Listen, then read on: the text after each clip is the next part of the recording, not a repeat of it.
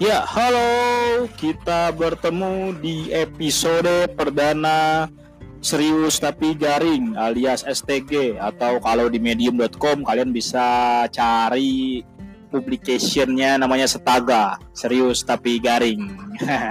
Ngapain aja kita di sini sih sebenarnya? Kita tuh di sini tuh biasanya akan bahas-bahas kejadian-kejadian fakta yang diulik secara fiktif tapi tidak membahas yang sensitif. Kita tetap menjaga etika lah dan kita juga tidak akan melakukan ujaran kebencian. Tapi memang ini emang dibuat untuk berguyon bercanda biar nggak serius-serius amat tapi tetap serius membahas topiknya. Gitu. Lalu di episode pertama ini apa yang bakal gue bahas?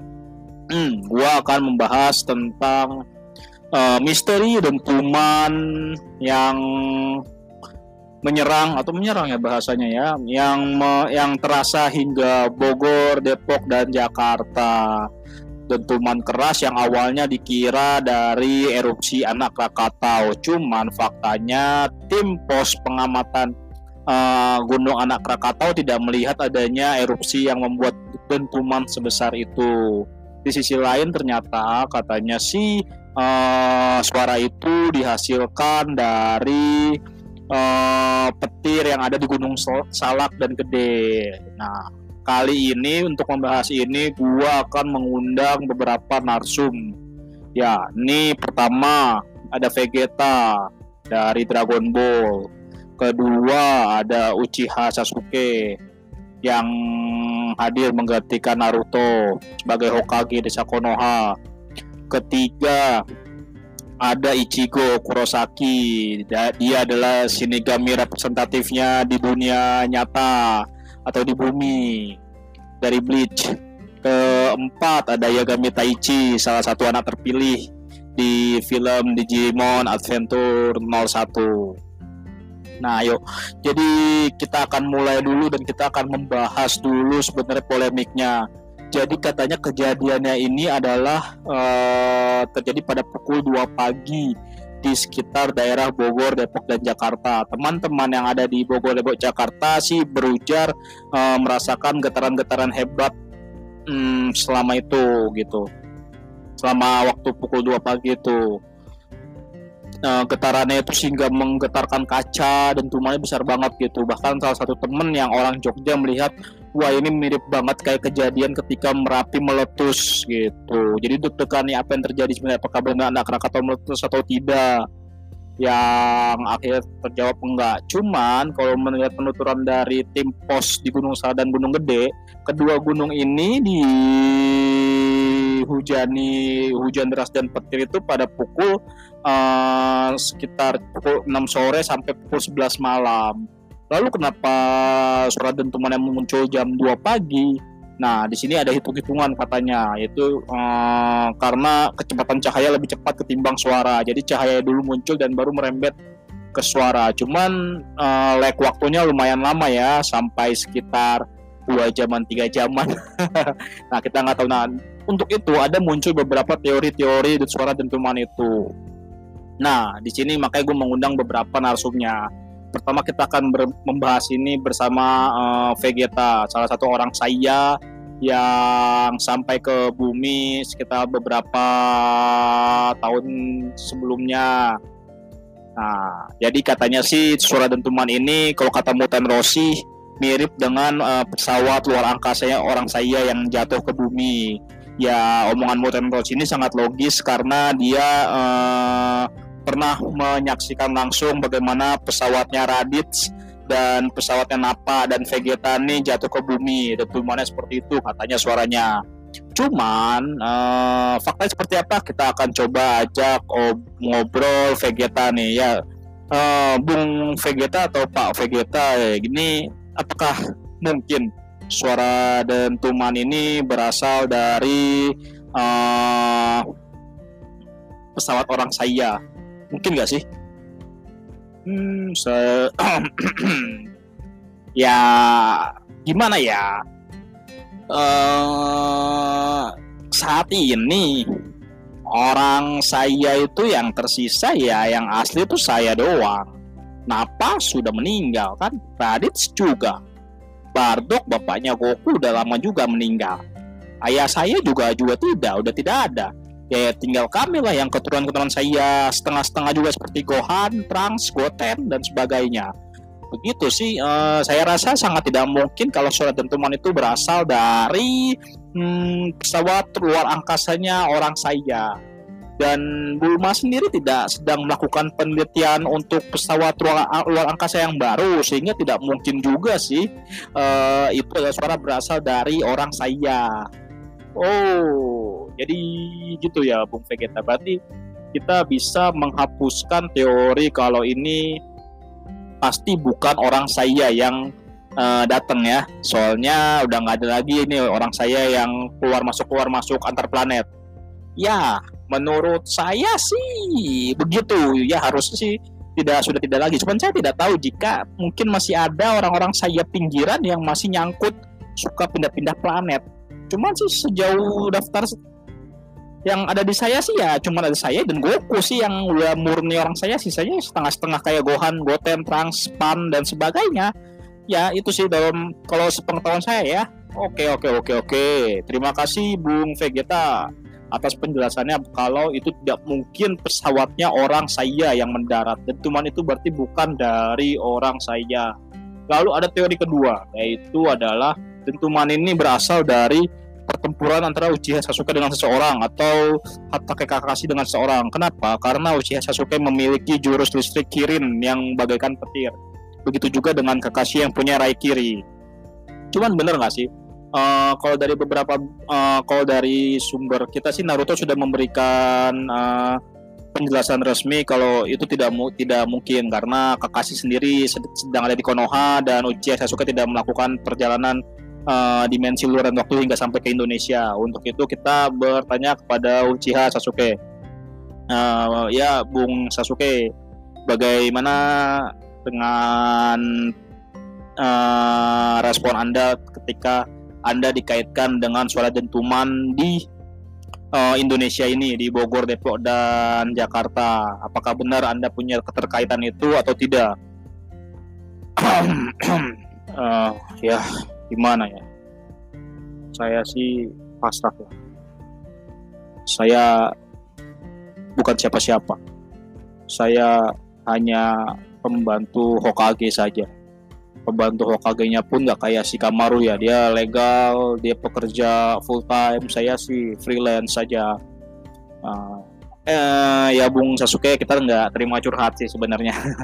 eh, ya kita yang yang kita ingin tanyakan adalah apakah benar apakah benar uh, Bung Sasuke tidak melakukan dimensi perjalanan dimensi luar dan waktu hingga ke Indonesia dan membuat dentuman besar itu dan bertarung dengan seorang di luar sana hingga membuat uh, hunian-hunian di Bogor, Depok dan Jakarta ini kacanya bergetar dengan dentuman pada pukul 2 pagi uh, bagaimana ya? Saya sih kemarin itu sebenarnya lagi ketiduran saya ngantuk saya lelah juga. Habis pindah tempat ke dimensi yang lain sih.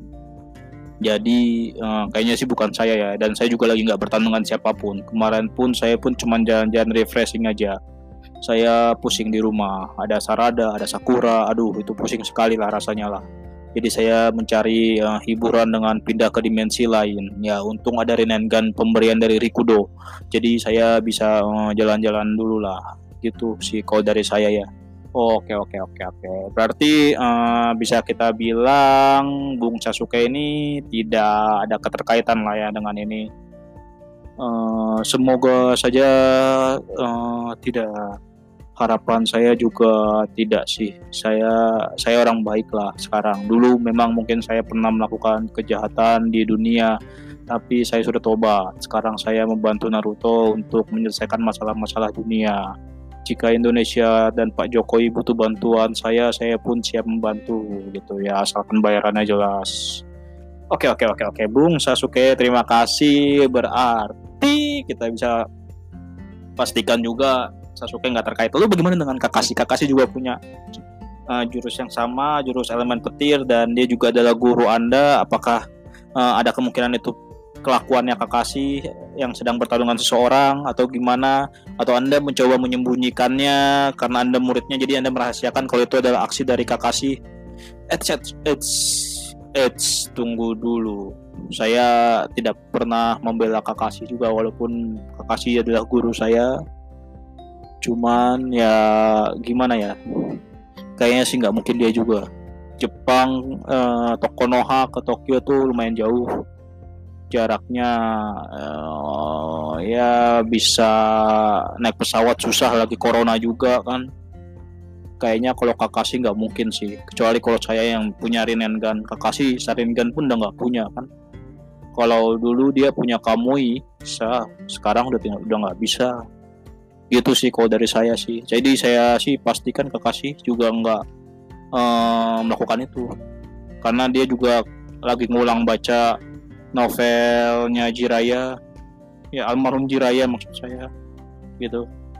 Oke oke oke oke Bung Sasuke terima kasih. Hmm, penjelasannya cukup uh, banyak curhatnya ya.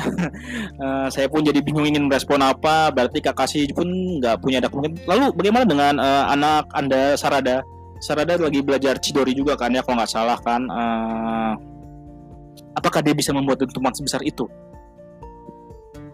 Aduh, anak saya ya. Saya jarang ketemu anak saya juga Uh, kayaknya sih nggak bisa sih. Dia Cidori pun baru bisa ngeluarin dikit-dikit kan. Dia baru ngeluarin itu juga waktu dia melawan salah satu anggota asosiasi Kara waktu Naruto ditangkap. Kalau dapet cerita dari Boruto sih gitu.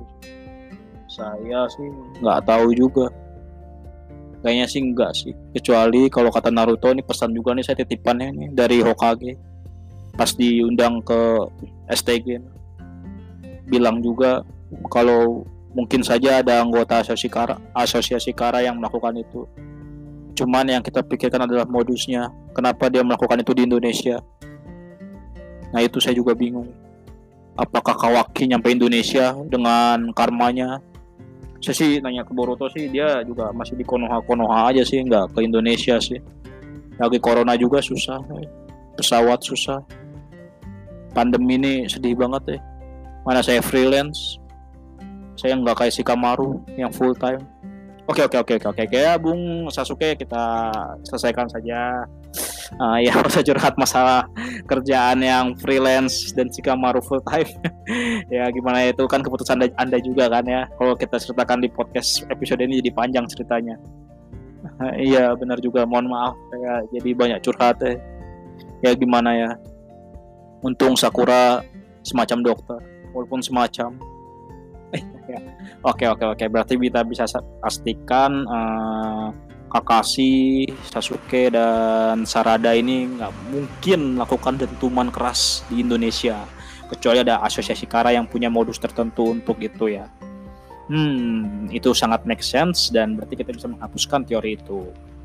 Lalu yang ketiga adalah ada indikasi kalau mungkin saja itu adalah serangan dari Hollow dan ini sebuah indikasi yang sangat kuat.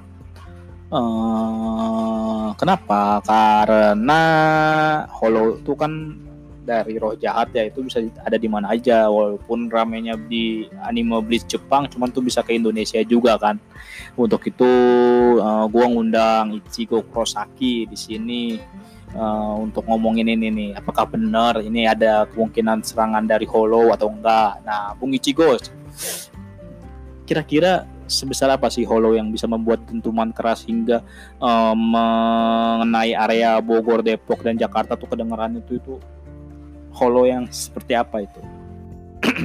ya kalau saya sih lihatnya itu seperti mungkin Menos ya Menus itu salah satu hal yang besar. Itu dia bisa ngeluarin uh, kekuatan yang luar biasa juga. Itu lumayan sih.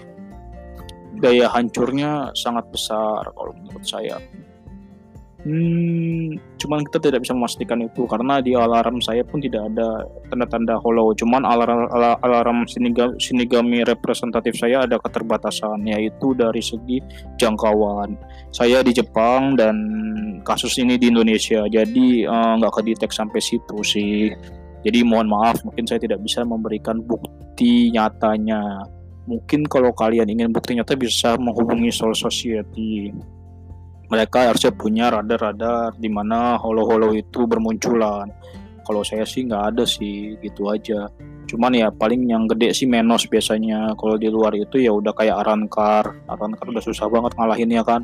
Ya kalian nonton sendiri di episode gue yang lawan Arankar tuh gila banget susah banget. Ngap sekali.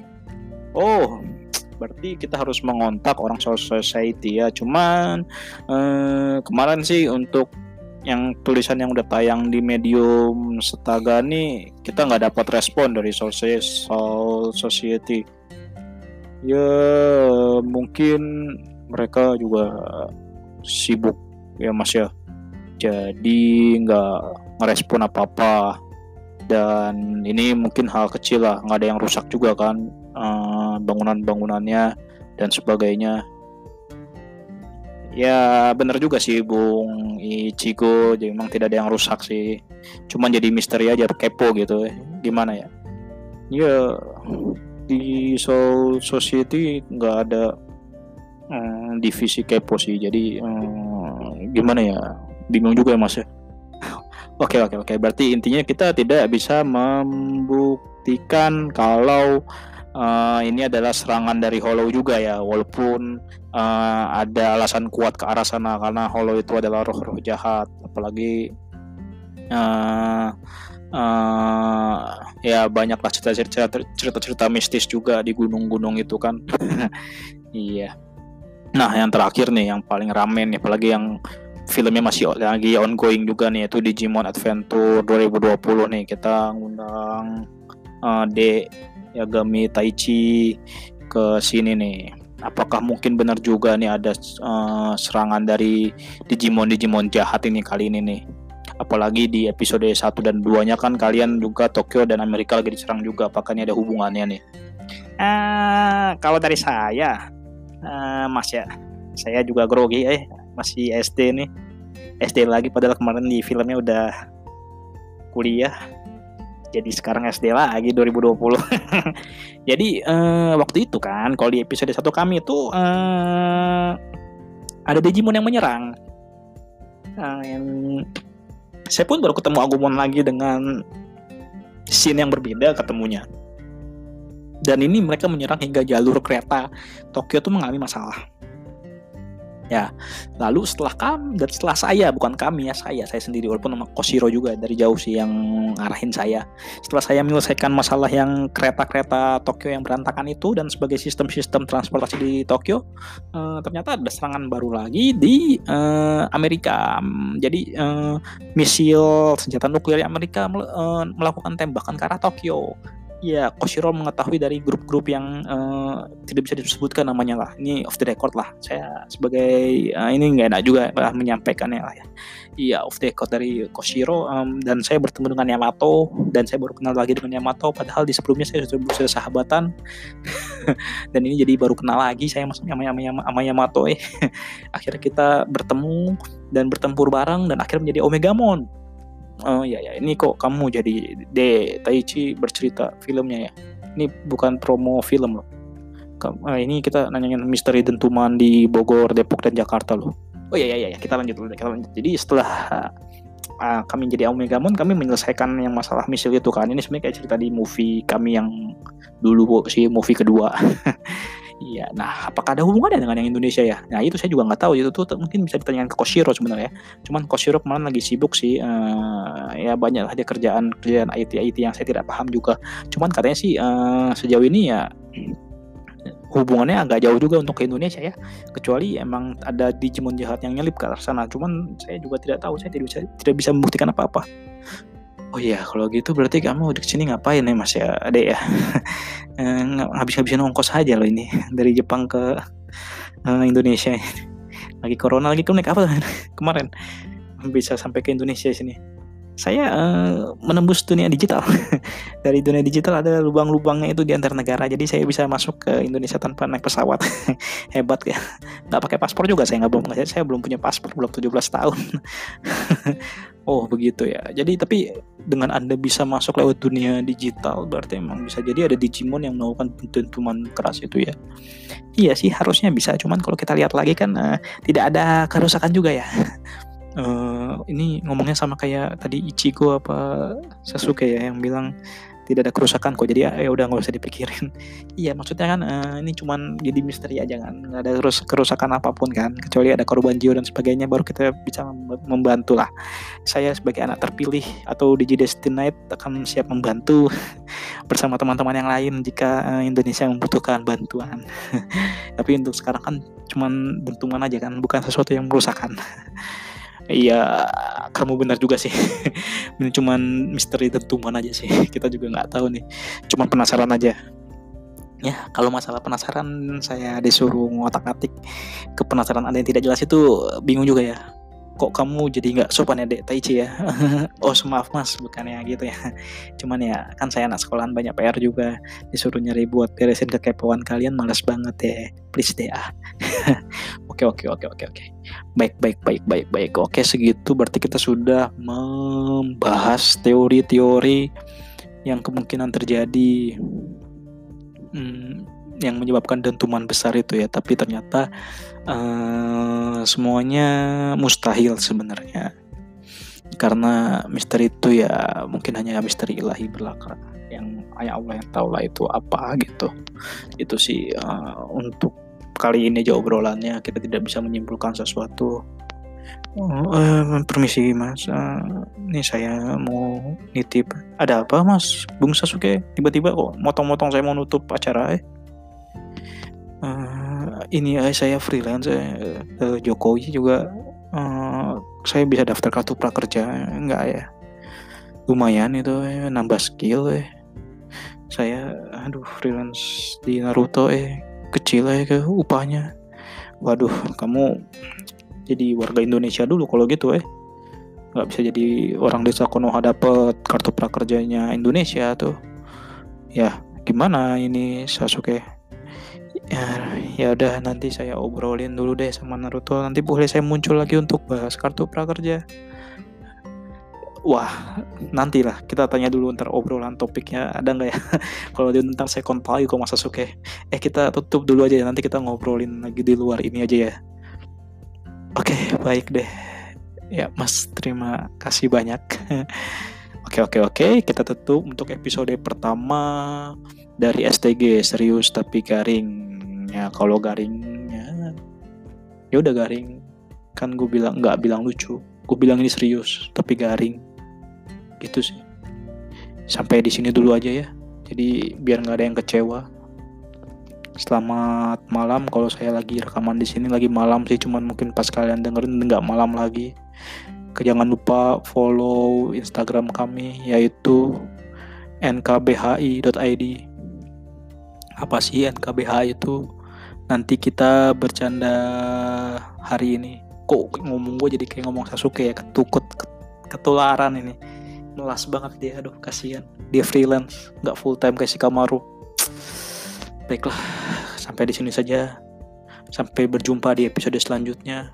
Selanjutnya kita bahas apa? Nggak tahu juga. Tunggu saja. Oke. Okay. dadah